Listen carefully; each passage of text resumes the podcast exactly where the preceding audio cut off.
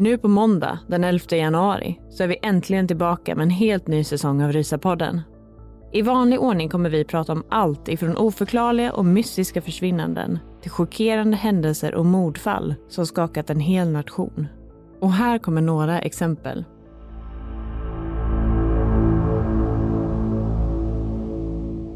Med andra ord var Bradley alltså en man med ett bra och stabilt jobb som dessutom ägnade sig åt volontärarbete för barn på den lilla fritid han hade. Och rent spontant kan man ju då tänka sig att det verkar oerhört märkligt att en sån här typ av person helt plötsligt skulle få för sig att börja kidnappa och mörda unga kvinnor.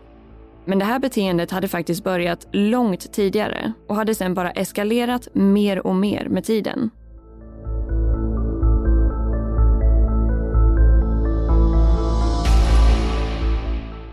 Ray var ju dessutom en otroligt erfaren och kompetent åklagare som borde ha insett att folk skulle komma ihåg att han hade frågat om sånt där på jobbet. Och att utredare definitivt skulle kunna få fram sökhistoriken på hans privata dator.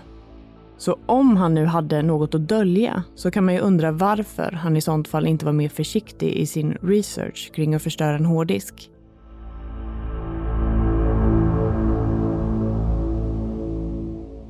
Hon hade nämligen skjutit sig själv och satt nu död inne i bilen på Nancy och Johns uppfart. Inne i bilen hade hon lämnat två olika brev. Ett av breven var adresserat till min underbara make och uppges ha varit 11 sidor långt.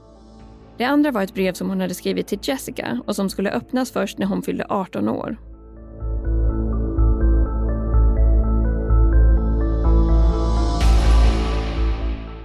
När de slutligen hade bestämt sig så stod det ungefär 25 personer och väntade på spårvagnen.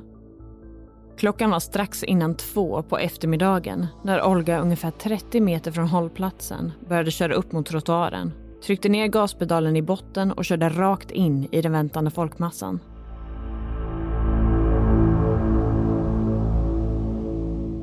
Det här och mycket mer kommer vi att gå in på under den kommande säsongen som släpps nu på måndag den 11 januari. Så se till att prenumerera på podden så du inte missar när avsnitten släpps. Och vi hoppas verkligen att ni vill följa med oss när vi lämnar ett tungt och utmanande 2020 bakom oss och inleder det nya året med en helt ny säsong full av ämnen som i alla fall får oss att rysa lite extra.